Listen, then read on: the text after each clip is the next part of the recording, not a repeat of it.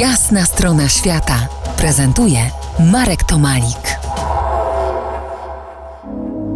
Dzień dobry, Magdo. Dzień dobry, Marku. Dziś moim gościem Magdalena Gołębiowska, politolożka, amerykanistka, doktor nauk humanistycznych od 2011 roku.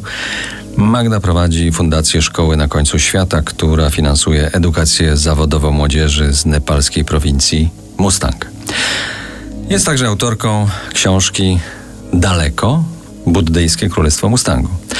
Magdo, dziś spojrzymy szerzej na Azję, ale zanim wejdziemy na Twoje ścieżki, spróbujmy zdefiniować Azję centralną, często zwaną po prostu Azją Środkową.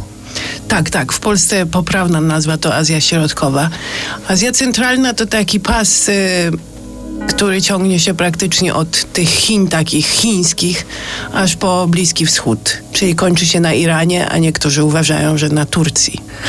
Dobrze, to skupmy się teraz na jedwabnym szlaku, który od III do XVII wieku łączył Europę poprzez Chiny z Bliskim Wschodem, 12 tysięcy kilometrów lądem, a po odkryciu morskiej drogi do Chin w XVII wieku utracił swe znaczenie, przynajmniej takie handlowe.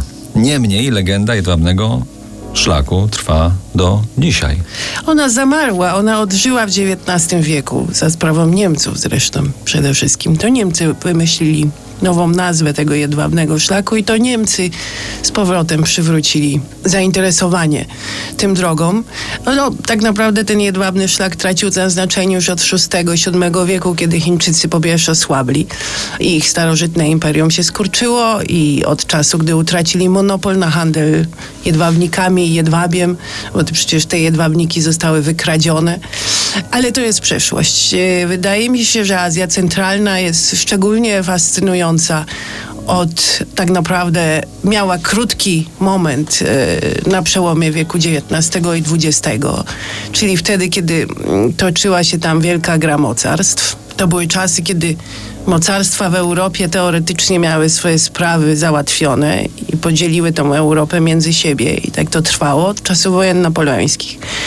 Ale za to ich zmagania przeniosły się do Azji. I właśnie wzdłuż tego północnego szczytu, bo inaczej można nazywać tą Azję Centralną północnym szczytem, Northern się to nazywa po angielsku. Tam spotykały się Chiny, wtedy bardzo słabe, Rosja i Wielka Brytania. Wielka Brytania usilnie chciała zabezpieczyć dostęp do Indii i tym samym na południe przesuwać swoje granice. Dlatego szpiedzy angielscy eksplorowali e, pogranicze. To jest przecież z tych, z tych trzech najwyższych pasm górskich na świecie, prawda? Karakorum, Hindukuszu i Himalajów.